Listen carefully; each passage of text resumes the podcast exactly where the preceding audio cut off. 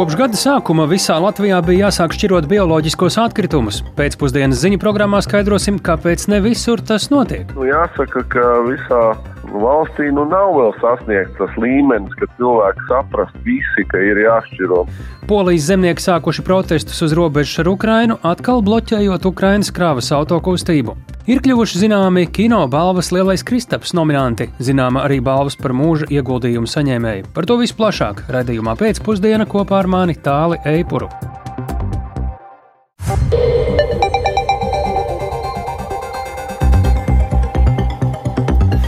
Pūkstens rāda 16,5 minūtes, skan pēcpusdienas ziņu programma, skaidrojot šodien svarīgus notikumus. Studijā tālāk Eipurs.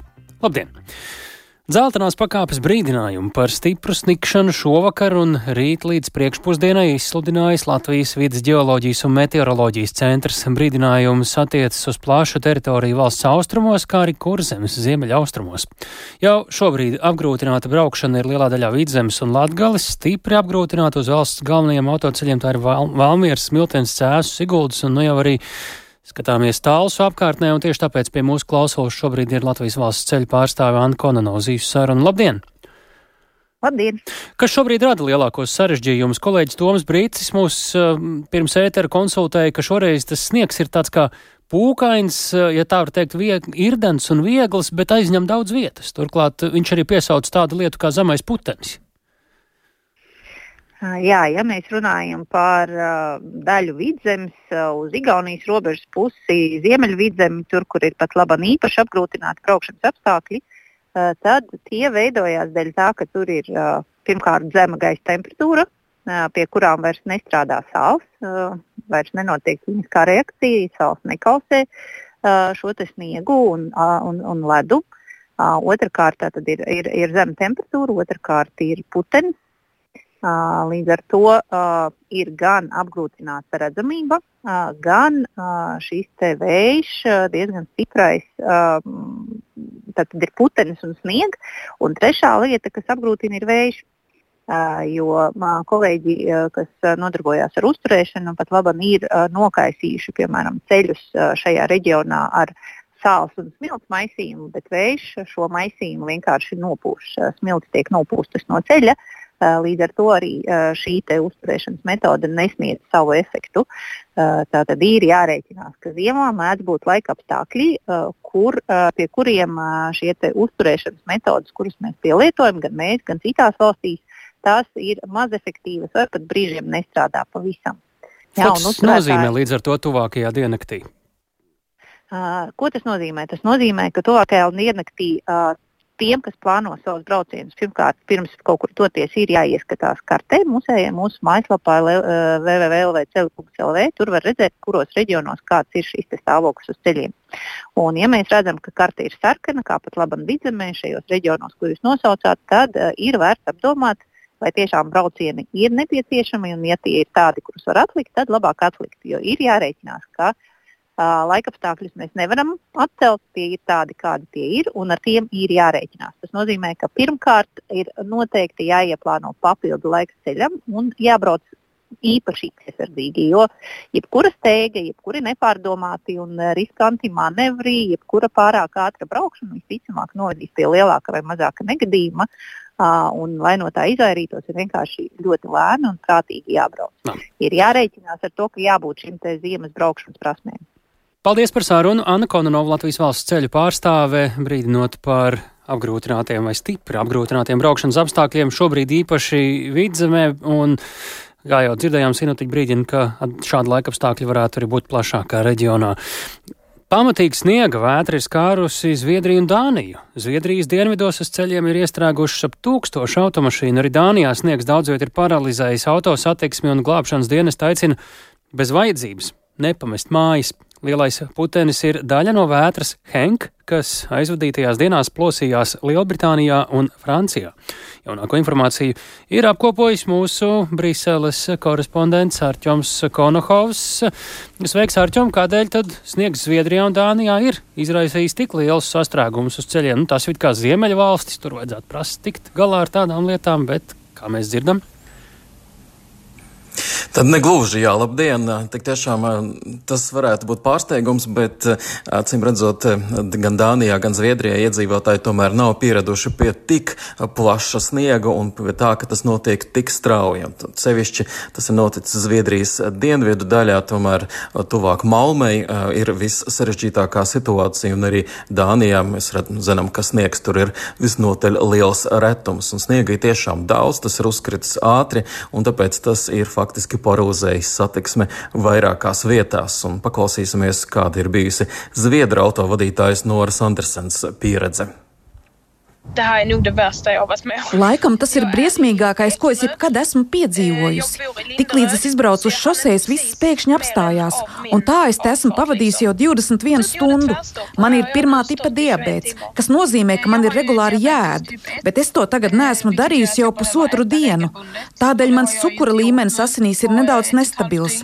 Es uzrakstīju Facebook, ka man ir vajadzīga palīdzība, jo esmu te sēdējusi tik ilgi. Tad kāds ļoti jauks vīrietis ar mani sazinājās un teica, ka viņam mašīnā ir dzēriens. Viņš atradās ne tālāk par 300 metriem no manis, tādēļ es aizgāju līdz viņa mašīnai. Zviedrijā ļoti aktīvi tiek izmantoti arī militārā tehnika, armija, lai palīdzētu cilvēkiem izkļūt, un šobrīd jau situācija ir uzlabojusies, un lielākoties eh, iedzīvotāji tomēr ir varējuši nokļūt vismaz līdz kādai eh, patvērtnē, kuri viņi var pāriest un sasildīties, eh, bet kustība joprojām, joprojām ir apgrūtināta uz atsevišķiem ceļiem, un tie ir slēgti. Un arī Dānijā, tad, kā jau minējām, situācija ir pietiekami sarežģīta, arī tur autovadītājiem tiek ieteikts labāk palikt mājās mājās un nekur bez vajadzības eh, lieka nebraukt. Jo, kā eh, stāsta Dāņu autovadītāja Anne Vesterķele, eh, tad arī tur ir bijis iespējams ļoti pamatīgi iestrēgt. Paklausīsimies! Det er min bil, ja. Mig og min søn på 8, vi har været her i 12 timer. Tā ir mana mašīna. Es un mans astoņgadīgais dēls esam pavadījuši šeit jau 12 stundas, un mums līdzi nav ne ēdiena, ne dzērienu. Bet ir atradušies daži jauki cilvēki, kuri mums palīdzēja. Mēs esam ceļā uz Randersas pilsētu. Nekā patīkama nav. Mēs esam zvanījuši glābšanas dienestam, lai apvaicotos, vai viņi var mums palīdzēt, bet viņi teica, ka man vienkārši jāprasa citiem šoferiem, lai viņi man palīdzētu.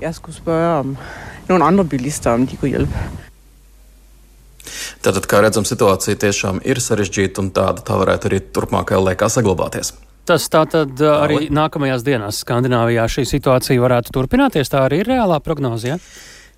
Jā, šobrīd prognoze liecina, ka tas nebūs pārāk ilgi, bet vismaz līdz eh, piekdienai varētu būt, ka situācija saglabāsies sarežģīta kādu vēl vienu, divas dienas. Visticamāk, šīs Henka eh, vētras eh, paliekas, ja tā varētu teikt, tādas astes, ja viņas vēl iedzīvotāji izjutīs šajās valstīs. Mārķis, tu pats šobrīd esi Briselē, kur sniegs nav bieži parādība, tur arī par sniegu jau runā. Nē, par sniegu šeit nerunā. Te bija pamatīgs lietus un plūdu draudu vēl vakar aizvakar, bet šodien jau ir noskaidrojies, bet arī šeit temperatūra pazemināsies. Un, ja tagad ir apmēram plus 10 ārā, tad varētu būt, ka nedēļas beigās vai nākamās nedēļas sākumā pat mīnus viens, kas priekš Briseles ir tiešām augsts laiks. Paldies, Tārķams Konahaus, mūsu korespondents Briselē par laikapstākļiem eh, Eiropā, eh, Rietumē Eiropā un Ziemeļa Eiropā. Ziemu vai cits gada laiks mēs vienmēr radām atkritumus. No 1. janvāra visā Latvijā jāsāk bioloģisko atkritumu dalītā vākšana. Tas nozīmē, ka iedzīvotāji iekšpagalmos līdzās zaļajiem, dzeltenajiem un zilajiem konteineriem būtu jāprādās vēl vienam brūnam konteineram ar uzrakstu bioloģiskie atkritumi. Tomēr vai visā Latvijā ir reāli sākta bioloģisko atkritumu dalītā vākšana? To šodien centās noskaidrot kolēģi Agnija Lāsdiņa. Saka, Agnija, ko tev izdevās noskaidrot, kāda tad šobrīd ir situācija? Vai konteineri tiešām ir uzstādīti šie brūnie, vai cilvēki tos izmanto? Jo, nu, es mikrorajonu daudz dzīvokļu nam pagalmos, cik nu sanācis tagad gada pirmajās dienās iet cauri, nesmu neko brūnu redzējis tādu. Labdien! Jā, nu, diemžēl jāatzīst, ka pagaidām nav vērojama nedz iedzīvotāja atsaucība, nedz arī atkrituma apsaimniekotāja pastiprināta interese vākt bioatkritumus atkritumus. Un Rīgā un vairākās pierīgas pašvaldībās bioatkritumus teorētiski var nodot jau divus gadus, kopš darbu sākusi pārstrādes rūpnīca Getliņos. Citviet, Dienvidkurzemē, Latgalē un Vidzemē rūpnīcas ir pabeigtas un varēs sākt darbību paredzētajā laikā. Savukārt rūpnīcas pie jūras atkrituma apsaimniekošanas reģionā un Jelgavā vēl tiek būvētas un paredzēts, ka tās rūpnīcas darbu sāks šī gada vidū. Un pērn maksu par savākto bioatkritumu apsaimniekošanu apsaimniekošanu pašvaldība noteica 80% apmērā no nešķirotu sadzīves atkritumu apsaimniekošanas maksas, bet no 1. janvāra tie ir 60%. Un, kā norāda Rīgas nama pārvaldnieks, tad ir vajadzība gan pēc noteikta regulējuma, gan lielākas sabiedrības izglītošanas, jo pērn tika izvietoti bioatkritumu konteineri 1100 vietās, taču, diemžēl, cilvēku vēlmi iesaistīties šķirošanā esot bijusi maza, kā rezultātā pēc iedzīvotāju pieprasījuma 500 konteineri konteineri noņemti, un kopš tā laika skaits nesot būtiski mainījies. Šobrīd uh, tie esot aptuveni 600 vietās. Un arī Rīgas domas vides pārvaldes priekšniecē Vija Meģa atzīst, ka, lai gan progress iedzīvotāju vidū ir redzams, tomēr tas ir nepietiekams. Paklausīsimies viņas teikto. Šobrīd ir sagatavoti Rīgas esošo noteikumu grozījumi par atkritumu apsaimniekošanu. Tad, kad viņi būs pieņemti, tad gan būs zaļais izmaiņas arī tajā, kā jāapsaimnieko bioatkritumu Rīgā. Tātad šobrīd ir paredzēts, ka šī te brūnais konteiners obligātā kārtā būs jāuzstāda pie lielajām mājām, tātad tajās, eh, kur ir vairāk kā desmit dzīvokļi. Tas arī ir galvenās eh, būtiskākās izmaiņas. Visdrīzāk viņi tiks skatīti Māju vidas komitejā jau janvārī. Konkrēti sodi par šo tēmu atsevišķi nav izdalīti. Jāatzīst, ka Latvijas radio aptaujātie iedzīvotāji Rīgas ielās gan izsakās dažādi. Kāds šķiro, kāds ne, kādam trūkst vietas mājās, lai to darītu, vai arī vēl nemaz viņa iekšpa, iekšpagalmā nav pieejams bioatkritumu konteiners. Ko jūs domājat par bioatkritumu šķirošanu? Kā? Grūti teikt. Nu, katram ir sava saimniecība, katram ir savs viedoklis, kas var, kas nevar, kas grib, kas nevar. Un vai jūs šķirojat? Nē, nē. Kādēļ? Mums vēl nav konteineru, un otrs ir tas, ka telpa neatļauj. Tī, vai paši jūs šķirojat tieši bioatkritumus? Tagad jau obligāti šo gadu mīļo sirds. Ko tu pajautā? Es budelis, jā, atsevišķi. Saima pieņem budelis, kurš plasmasa, kartons, atsevišķi visi iet. Bioatkritumus jūs redzējat vienu konteineru, kad rādīja kas tur iekšā darās. Viņš ir pastāvīgi jāmazgā pēc katra šitā izvešanas. Daudz cilvēku nešķiro. Viņi iet kā, kā bija pudeles iekšlis, tikai tur met plasmas pudeles, plasmas met tur, kur sadzīves parasti atkritumi. Un vai jūs esat kaut kur redzējis bioatkritumu šķirošanas konteineru? Nu, nē, es ievēroju pagaidu vēl tā. Bet, ja būtu jūs šķirojat? Nu, nē, man ir privāti mājas, pats viņas tā kā šķiroja pie sevis. Mums dārzu liek jāpēc tam, jā, protams. Līdzīga situācija ir arī citviet Latvijā, piemēram, Liepājā bioatkritumu konteineri tiekot uzstādīti pakāpeniski, un kā skaidro Liepājas domas pārstāvis Mārtiņš Tīdens, tad aprīļa beigās beigsies līgums ar esošiem atkritumu operatori, operatoriem, līdz ar to tikai no 1. maija masveidīgi veikšot konteineru ieviešanu, un šobrīd pie konteineriem tiekot tie iedzīvotāji, kas tos pieprasa. Jāsaka, arī no valsts puses nav jau noteikts regulējums, cik ir jābūt ieviestām. Bet nu, mēs pilnīgi apzināmies šo lietas svarīgumu, un jaunajā iepirkumā ir paredzēts konteiners pie katras mājas un uh, tiks piedāvāts visiem, bet, nu, redziet, kamēr nav kā citur Rietumē Eiropā, piemēram, ir pat sodīšanas sistēma, ja, ja netiek šķirot atkritumu, mums tas sots nosacīt ir ar pieaugošo cenu nešķirotiem atkritumiem, bet, nu, jāsaka, ka visā valstī nu nav vēl sasniegts tas līmenis, ka cilvēki saprast visi, ka ir jāšķiro Varu vien piebilst, ka pētījumi rāda, ka bioloģiskie atkritumi varētu sastādīt ap 30 līdz 40 procentiem no kopējās sadzīves atkrituma masas, un kā norāda Getliņa eko pārstāvis, tad vislielākās problēmas esot tieši iedzīvotāju izglītu, izglītošanā par kārtību, kā tas notiek un kādiem atkritumiem ir konteinerī jānonāk. Paldies Agnijai Lazdiņai tik tālu eh, šobrīd par plašāku ieskatu bio atkritumu konteineru ieviešanā, bet eh, tagad, lai saprastu, kā valdības ieskatā ar 1. janvāru ir sākta bioloģisko atkritumu dalītā vākšana. Uz sarunu esam aicinājuši vidas aizsardzības un reģionālās attīstības ministrijas vidas aizsardzības departamenta direktoru Rudītu Veseri. Labdien! Labdien!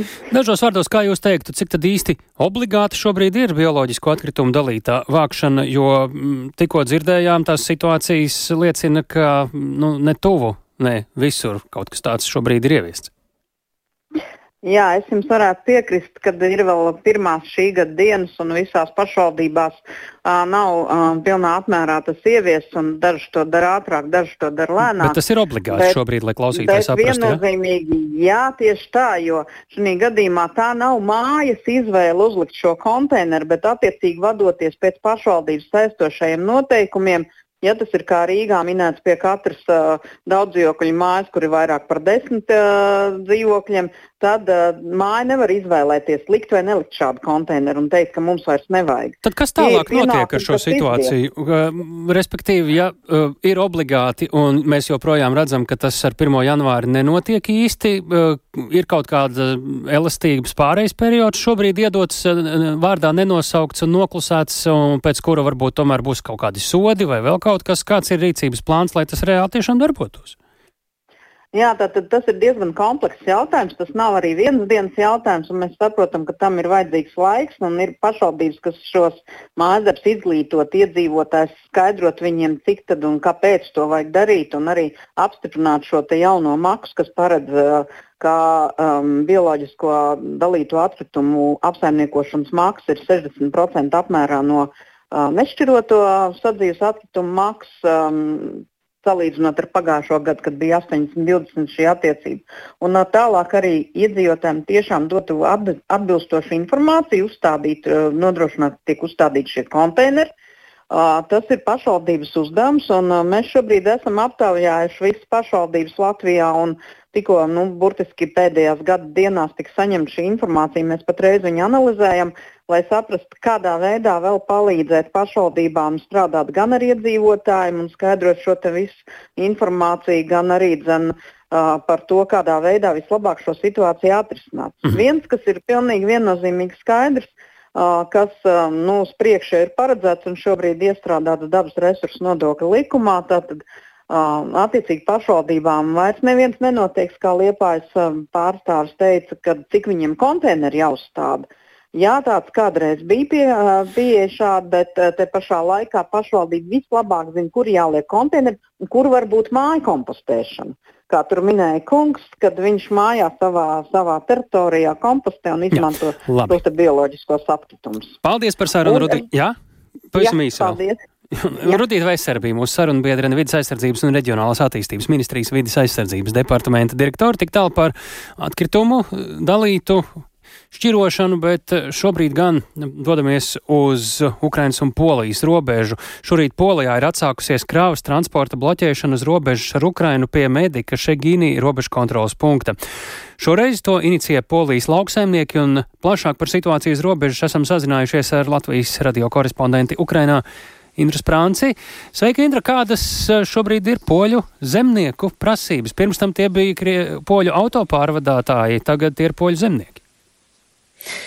Jā, labdien! Šorīt poļu zemnieki atsāka robežas bloķēšanu pie robežu kontrols punkta Medika Šegini un robežu bloķēšana uz Ukrainas-Polijas robežas notiek jau vairākus mēnešus. To novembra sākumā uzsāk poļu kravu pārvadātāji un robežas čērsošana bija paralizēta līdz pat decembra vidum. Tad abu valstu amatpersonām izdevās daļai panākt pamieru, ja tā var teikt, un Ziemassvētkos šajā pašā kontrola punktā kravas auto bloķēšana pārtrauca. Robežu kontrols punkts atsāk darbu normāli normālos apstākļos ikdienu laižot cauri ap 3, 300 uh, kravas automašīnu, bet tagad poļi atgriežas pie bloķēšanas, draudot laist cauri robežai vien vienu vai pāris kravas automašīnas stundā, kas nozīmē ļoti lēnu robežu šķērsošanu. Un oficiālais iemesls poļu lauksaimnieki prasa subsīdijas kukurūzai, atbalsta pasākumus zemniekiem kredītu likvidēšanā un nodokļu saglabāšanu līdzinējā apmērā. Polijas lauksaimniecības ministrs jau ir paudis, ka prasība saistības izpildījis. Taču zemnieki vēlas rakstisku apliecinājumu un neslēpja atbalstu arī poļu kravu pārvadātājiem, kas sāka šos plašos protestus. Turpinājumā fragments no sarunas, ko šorīt uz robežas ierakstījuši ukraiņu žurnālisti, kā poļu lauksaimnieki skaidro robežas bloķēšanas atsākšanu. Ви маєте нас зрозуміти, що ми dbaємо про свій Jums ir mūs jāsaprot, mēs rūpējamies par mūsu iekšējo tirgu. Mēs šeit maksājam nodokļus, mēs šos ceļus būvējam un remontējam, bet jūs pārvadātāji tikai izmantojat. Humanitārā palīdzība, pārtiks produkti, mēs to saprotam. Tādas kravas laižam cauri. пропускаємо. Jā, un piebildīšu, ka arī autobusiem un pasažieru automašīnām netiek liekts šķērsot robežu. Blokāda attiecas tikai uz kravas automašīnām, neskaitot humanitāro palīdzību. Un šorīt, kad blokāda atsākās, iebraukšana Ukrainā gaidīja ap 800 kravas auto, viņiem nav arī īsti kur tūmā mainīt maršrutu, jo arī pārējos robežu kontrols punktos turpinās ierobežojumi, kurus poļi ieviesuši kopš novembra, kad kravu pārvadātāji sāka savus lielos protestus. Viņi iebilst pret atvieglojumiem Ukraiņu pārvadātājiem, kas ieviest sākoties Krievijas pilna apmēra iebrukumam Ukrainā. Tāli. Jā, Indra, vai ir zināms, kādus zaudējumus šī blokāde nodara? Tie vajadzētu būt diezgan grandioziem, diemžēl. Jā, tā tas ir. Apgrūtināta robežu čērsošana noteikti ietekmē uzņēmums abās pusēs, ne tikai Ukraiņus, bet arī poļus kas arī šeit Ukrainā piegādā daudzas preces, taču naudas izteiksmē zināms vien pašu Ukraiņu aplēses, cik ir izmaksājuši šī te blokāda kopš novembra sākumā, un tā publiski minētā naudas summa ir milzīga. Kopējie zaudējumi lēsti ap 400 miljonu eiro vērtībā, un uh, zaudējumi nav saistīti tikai ar pārvadājumu ilgumu palielināšanos, uh, tātad vairāk pavadot laiku uz robežas. Iestrēgstot uz robežas, daudzas kravas var arī sabojāties, un, piemēram, decembra beigās Ukraiņu mediju vēstīja, ka Dora Huskas robežu kontrols punktā atsevišķiem kravu pārvadātājiem nācies gaidīt pat vairāk nekā mēnesi, lai šķērsot robežu. Tāli. Vai šobrīd ir redzams kāds risinājums pietiekami drīz šajā situācijā? Novembrī, kad sākās autopārvadātāja protesti, Ukraiņa gaidīja, kad Polijā apstiprinās jauno valdību un ka tā varētu atrisināt šo samilzušo konfliktu. Pēc Tuska valdības apstiprināšanas arī decembrī notika vairākas tikšanās, pēc kurām bija liels cerības, ka līdz Ziemassvētkiem izdosies pārtraukt blokādi. Daļai tas arī izdevās, taču tagad blokādei, blokā, blokāda tiek atjaunāta un, um, var teikt, ir sācies tāds kā jauns papildinājums ar zemnieku protestu protestiem, un polijas premjers Donalds Tusks gan vakar solījis pārliecināt autopārvadātājs izbeigt, tātad autopārvadātājs, kas visu šo te sāka, izbeigt blokādi. Vienlaikus viņš arī ir solījis darīt visu, lai aizsargātu polijas autopārvadātājs nevienlīdzīgajā konkurencē ar Ukrainas pārvadātājiem. Tā ka turpināsim sekot līdzi. Paldies, sakām Indrai Sprāncei par situāciju uz Polijas-Ukrainas robežas, bet nu raugāmies pāri citai Ukrainas robežai uz Krieviju. Vai arī kara Ukrainā dēļ Krievija ir kļuvusi par sankcijām visvairāk pakļauto valsti pasaulē, tās ekonomika nav piedzīvojusi ļoti strauju lejupslīdi. Gluži pretēji, iekšzemes koprodukts pieaug, bezdarbs ir samērā zems un vietām pat vērojams algu pieaugums, taču vienlaikus inflācija ir tik augsta, ka vairumam Krievijas iedzīvotāju labklājības līmenis nepieaug, jo ekonomika ir pakārtota karam Ukrainā. Par Krievijas ekonomisko situāciju un prognozēm vairāk stāsta Ulris Česbergs. Sankcijas vismaz virspusēji raugoties nav nodarījušas katastrofālu kaitējumu Krievijas tautsēmniecībai. 2022. gadā Krievijas ekonomika saruka par 2,1%, bet saskaņā ar prognozēm pērn Krievijas iekšzemes koprodukts pieauga par 3,1%. Tas lielā mērā bija saistīts ar ienākumiem, ko Krievija nopelnīja pateicoties augstajām naftas un dabasgāzes cenām pasaulē 2022. gadā, taču lielākā daļa šīs naudas tika novirzīta militārajiem tēriņiem. Krievijas parlaments novembrī pieņēma nākamo trīs gadu valsts budžetu, no kura aptuveni trešdaļu izlietos militārajām vajadzībām. Ekonomikas analītiķis Maksims Blāns prognozē, ka tas sekmēs vēl straujāku cenu pieaugumu, ko jau tagad nopietni izjūt ierindas iedzīvotāji. Apstākļos, kad militāra rūpnieciskais komplekss saņem neierobežotu finansējumu, kad viss, ko viņi lūdz, viņiem tiek dots, kad šī militāra rūpnieciskā kompleksa daļa ekonomikā pieaug ļoti strauji, inflācijas jautājumu vienkārši nav iespējams atrisināt. Problēmu inflācija vienkārši nevazmožna. Arī Eiropas Savienības īpašais sūtnis sankciju īstenošanā Dēvids O'Sullivans norādīja, ka pašreizējais Krievijas ekonomikas modelis nav ilgtspējīgs. Yes, Jā, Krievijas ekonomika nedaudz aug, bet ir jāiedziļinās, kāpēc tas tā ir. Tas ir tāpēc, ka viņi ievērojami iegulda militārajā jomā. Pašlaik 30% no Krievijas valsts izdevumiem tiek novirzīti militārajām vajadzībām. Tie ir gandrīz 10% no iekšzemes koprodukta. Ja jums ir kara ekonomika, tad, protams, visu var pielāgot militārām interesēm, bet tas kanibalizē ekonomiku. Nav ieguldījumu sociālajā labklājībā, izglītībā, veselības aprūpē, pētniecībā, tāpēc Krievijas ekonomikas nākotnes prognozes nav labas. Prognozes liecina, ka šajā gadā Krievijas ekonomika pieaugs tikai par 1,1%, bet inflācija joprojām saglabāsies augsta. Uldis Česberis, Latvijas radio.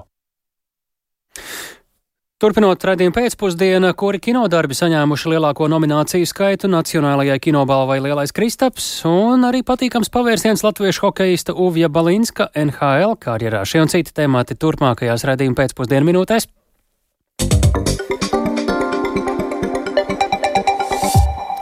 Kā galvaspilsētā kokus, kas aug ārpus Rīgas mežiem, aizsargāt, uzturēt un kādos apstākļos tos drīkst arī cirst?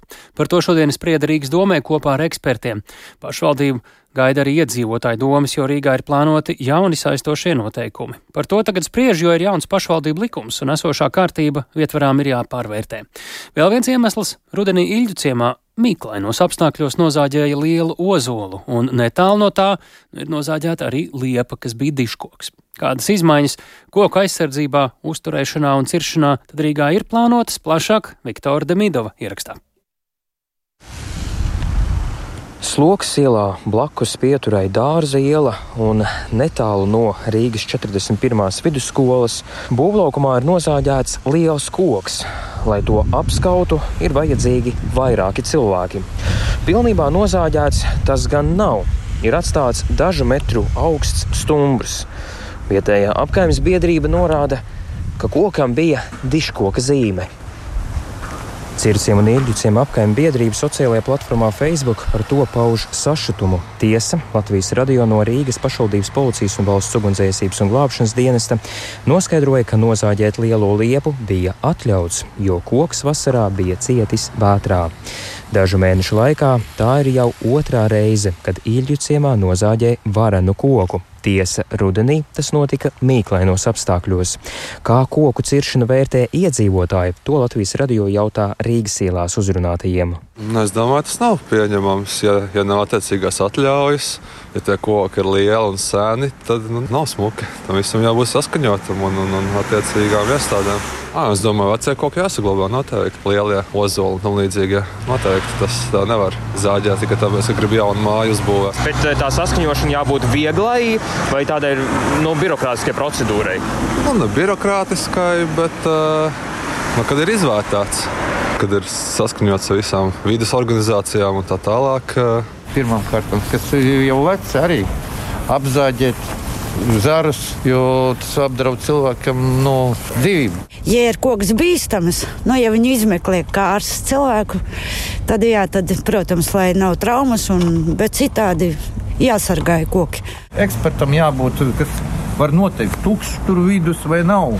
Un vai vajadzīgs tāds, jo viņš, kas saka, dzīvību cilvēku ir svarīgāks nekā tas koks. Šodien Rīgas domas pārstāvji ar ekspertiem apsprieda plānotās izmaiņas pašvaldības noteikumos. Vislielākā uzmanība būs pievērsta koku bojāšanai un aizsardzības zonai, turpina Rīgas domas direktora biroja vietniece Viktorija Belerte. Kritiskajā sapņu aizsardzības zonā ir jāizmanto beztranšēju caurdurs metode. Vai, ja tas tehniski nav iespējams, tad rakšanas darbi tiek veikti gaisa lāpsta, vakuma ekskavātoru vai bez mehānismu piemērošanas, nebojājot koku saknes. Ja šis netiek ievērots, tad tā ir uzskatāma par koku bojāšanu. Savukārt koku ciršanas process pilsētā īpaši nemainīsies. Vienīgais kārtību plānots padarīt vienkāršāku. Turpmāk lēmumu pieņems pilsētas attīstības departaments, nevis atbildīgā komisija. Priekšlikumus par koku aizsardzību iedzīvotāji aicināti iesniegt desmit dienu laikā. To var izdarīt domas tīmekļa vietnē vai sūtot pa pastu. Plānots, ka grozījumi noteikumos varētu stāties vasaras sākumā. Viktors Demīdovs, Latvijas radio. No diškokiem pie dižiem panākumiem kino nozarē. Šodien nosaukti Nacionālās kino balvas Lielais Kristaps nominanti. Tie izvēlēti ļoti sīvā konkurencē. Balvai pieteiktas 88 filmas, tostarp 35 filmetrāžas un 9 daudzsēriju filmas. Lielā pieteikuma skaita dēļ eksperti darbojās pat divās atlases komisijās - viena spēļu filmām un animācijas filmām, otra dokumentālajām filmām. Tad nu šodien noskaidrojies, ka visvairāk 12 nomināciju saņēmusi Staņislava Tokolova un Jura Kurs Vāciešu daudzsēriju filma Padomju džinsi. Deviņas nominācijas piešķirtas Lienes Lindes spēlfilmai Melnais samts.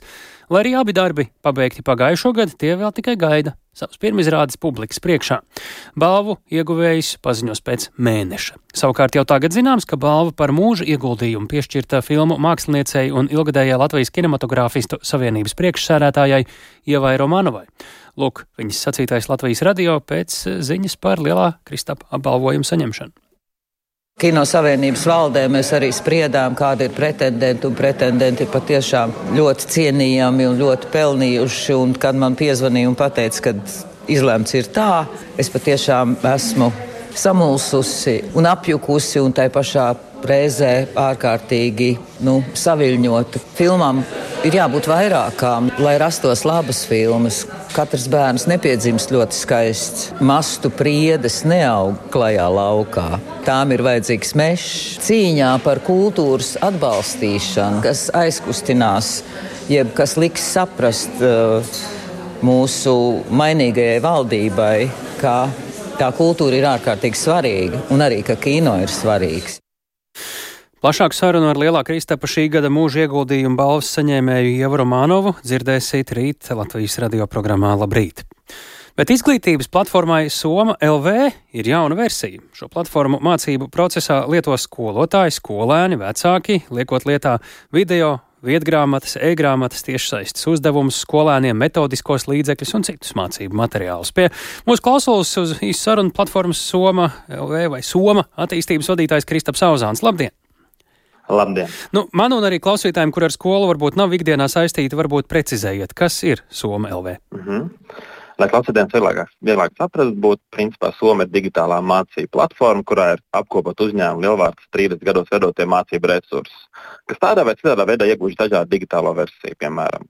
Vecākie resursi būs uh, e-grāmatas formātā, ko tur atver lielā ekrānā, bet modernākie resursi jābūt tādā interaktīvā vietgrāmatas formātā, kur arī papildināt ar testiem, aptaujām, uh, dažādiem uzdevumiem. Un, lai vienkāršāk saprastu, principā mēs varētu iztēloties tā, ka mēs mācām vēsturi 7. klasē. Mums ir grāmata, kurai ir QR kods. Tad grāmata ir papildināta digitālā formātā. Mācot, piemēram, par akmens laikmetu Latvijā, skolēniem var redzēt vizualizāciju, video, skatīties, kāds ar posmiem strādājas, un beigās izpildīt testu, lai pārbaudītu savas zināšanas. Mm -hmm. Skolotājs redz šo informāciju. Kā piemērs, jā. Kādas iespējas jā. tad līdz šim bija SOMLV platformā, to nu pat apmēram varbūt arī dzirdējām, kas no šodienas tur ir mainījies? Jā, mēs esam ļoti daudz strādājuši pie tā, lai lietotājiem pieredze būtu labāka. Mēs ļoti ceram, un patiesībā esam runājuši ar 2000 skolotājiem, jo testēju šo vidi, ka šī nebūs no tām reizēm, kad platformas pārmaiņas, tu piesaist un saproti, ka neko vairs nevar atrast. Mēs esam ļoti daudz strādājuši pie tā, lai lietotājiem būtu vieglāk atrast saturu, vieglāk atrast mācību materiālus, un līdz ar to mēs varam likt vēl un vēl un vēl un papildināt šo izglītības resursu. Tad lietotājiem sākumā būs nedaudz jāpamaldās eh, par šo vietni, tur būtisks pārmaiņas, vai ir tādi uzlabojumi, ko varbūt pat nevar pamanīt, bet vienkārši ir ērtāk? Nebūs jāpamaldās. Diezgan droši, ka nebūs. Cik mēs esam strādājuši piecās Latvijas izglītības iestādēs ar vairākiem simtiem skolotāju, vairāk vai mazāk lietotāji ļoti bieži ir gājuši, sākuši darboties, un viss ir sanācis. Mēs esam atraduši, izdarījuši un varējuši izdarīt vairāk nekā iepriekš. Tā kā ir liela cerība, ka sanāks. Cik tūkstoši ir šobrīd lietotāji, tā var teikt, vai cik daudz jūs tur droši vien ir gan, jā, jā. gan organizācijas, gan eh, skolēni? Mm -hmm. Šī mācību semestrī, tas ir no, uh, principā, no septembra līdz uh, mācību semestra beigām, līdz decembrim, ir Somā bijuši apmēram 190 tūkstoši lietotāji, tas ir 140 tūkstoši skolēnu un 15 tūkstoši skolotāju. Tā kā pārmaiņas pēc brīvlaika būs ļoti, ļoti, ļoti daudziem mm -hmm. Latvijas skolēniem. Tās iespējas divos vārdos, varbūt ar vienu vai diviem piemēriem, ko skolēni un skolotājiem, varbūt arī vecāki, eh, līdz šim ir tiešām iecienījuši un izmanto reāli visvairāk šajā resursā.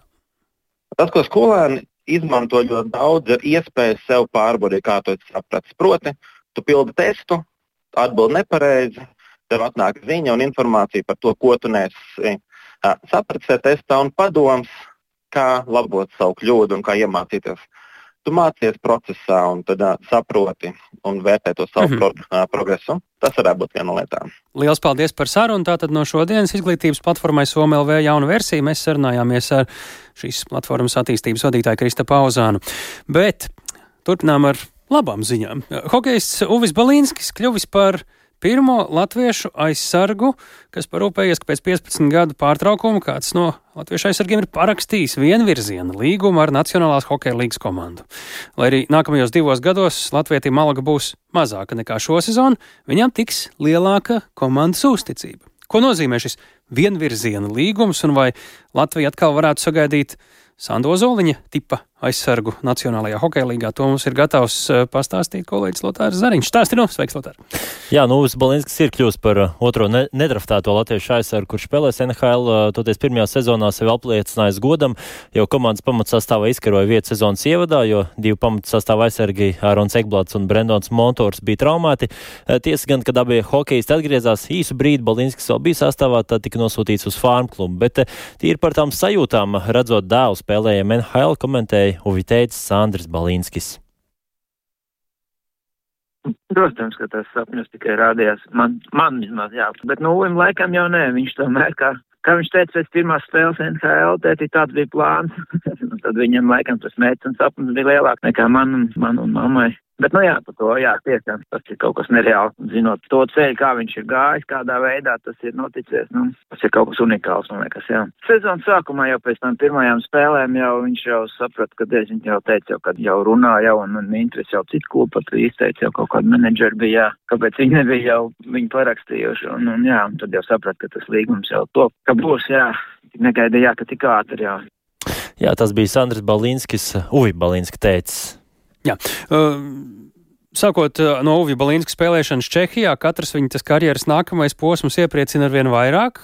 Viņš šobrīd aizveda tikai pirmo sezonu Ziemeļamerikā. Daudziem līdz šim tā ir bijusi nu, visnotaļ vētraina un izaicinājuma pilna, bet izstāsta, ka Uvim tā ir izvērsusies krietni labāk nekā cerēts. Ne?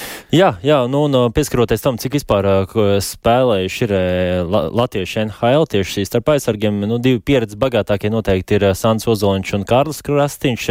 Viņiem ir vairāk nekā 800 spēles, bet ņemot vērā vairāk līga paliek jaunāka, uh, spēlētāji mainās un, godīgi sakot, nav lielas cerības, ka tuvākajā laikā kāds latviešu aizsargs vai pat spēlētājs aizsniegsies līdz šādiem skaitļiem.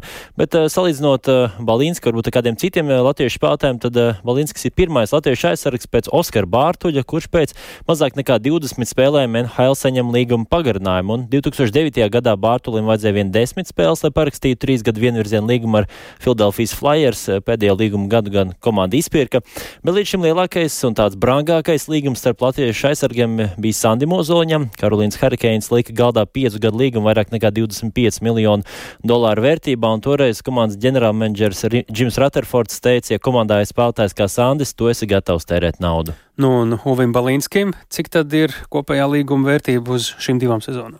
Jā, nu, Ziemeļamerikā plus tas, ka var redzēt visus šos skaitļus līgumiem, un nu, nākamajās divās sezonās Balinskis saņems par 20 tūkstošiem mazāk ASV dolāru nekā šobrīd, pie tam nav iekļauta papildus bonus, bet uh, lielākais iegūms ir vienvirziena līgums, kas paredz, ka alga būs nemainīga spēlē NHL vai arī farmklubā AHL. Nu, tātad vienā sezonā Latvijas saņems 850 tūkstoši ASV dolāru, cik pēc šobrīd Ziemeļamerikas medijiem pieejamās informācijas ir. Tad. Nu, un kā tad iespēja Balinskim līdz ar to nākamajā sezonā ir vēl vairāk nostiprināties NHL, ja nu tur atkal ir priekšā jau pieredzējušie uzticamie spēlētāji. Jā, jā, nu, pieciem pamatsastāv aizsargiem, cik skatījos šo zonu noslēdzas līgums, un uh, tikai trījiem ir spēkā esošs līgums uz nākamo gadu. To skaitā, protams, ir arī Uvis Balinskis. Nu, Tālījošs secinājums šobrīd grūti izdarīt, jo pagaidām sezonas vidus, bet skaidrs ir tas, ka komanda ar Latviju rēķinās, un viņš nebūs pirmās maiņas aizsargs, bet nākamajos gados var kļūt par tādu stabilu NHL vērtību. Un, nu, ierast jau sezonas izskaņā un starpzonā notiek šīs līguma parakstīšanas, ka vēl pievienojas kādi jauni hokeisti, bet eh, katrā ziņā Latvijas hokeja stabils NHL aizsargs nav piedzīvojis kopš eh, Ozoliņa un Skrastīņērs, bet eh, šobrīd izskatās, ka Uzbalinskis varētu būt ieiet šajā amplitūdā. Mēs sākumā pieminējām, ka viņš varētu būt tas Sandu Ozoliņa tipa aizsargs. Tā arī izskatās. Skatos AHL, viņam pēdējās septiņās spēlēs septiņi punkti un no tiem sešas rezultātus piespēlēs. Jā, jā, un šonakt arī viņam tieši arī bija viena rezultatīva piespēle. Tad katrā spēlē izcēlēs ar punktiem. Vai šajā komandā to noteikti rādīs laiks, vai cent, būs tā izkarot vieta vairākumā un, protams, arī lielāks spēles laiks, bet nu, katrā ziņā plus tas, ka komanda uzticās un lielākais tiešām prieks to, ka tas ir vienvirziena līgums, un tas jau parāda to, ka, jā, ka Florida rēķinās Rēķinās. ar Latviju. Jā. Vismaz divus gadus. Vismaz, jā. Paldies Lotāram Zariņam. Mēs eh, sakām arī paldies jums, klausītāji, ka bijāt kopā ar mums. Eh, atgādinām, ka šobrīd ļoti sniegot laikapstākļi ir vidzemē, arī Latgalē, un dzeltenais brīdinājums arī Ziemeļkurzemē, tā skaitā eh, no šovakar līdz rītdienas priekšpusdienai. Šis bija ziņu radījums pēcpusdien, to veidojām mēs tāls Eipurs, Lauris Zvejnieks, Kaspars Groskops, Sīvietas Zvejniece, un mēs tiekamies arī rīt, kā katru darbu dienu ziņ pēc ziņām 4 un 5.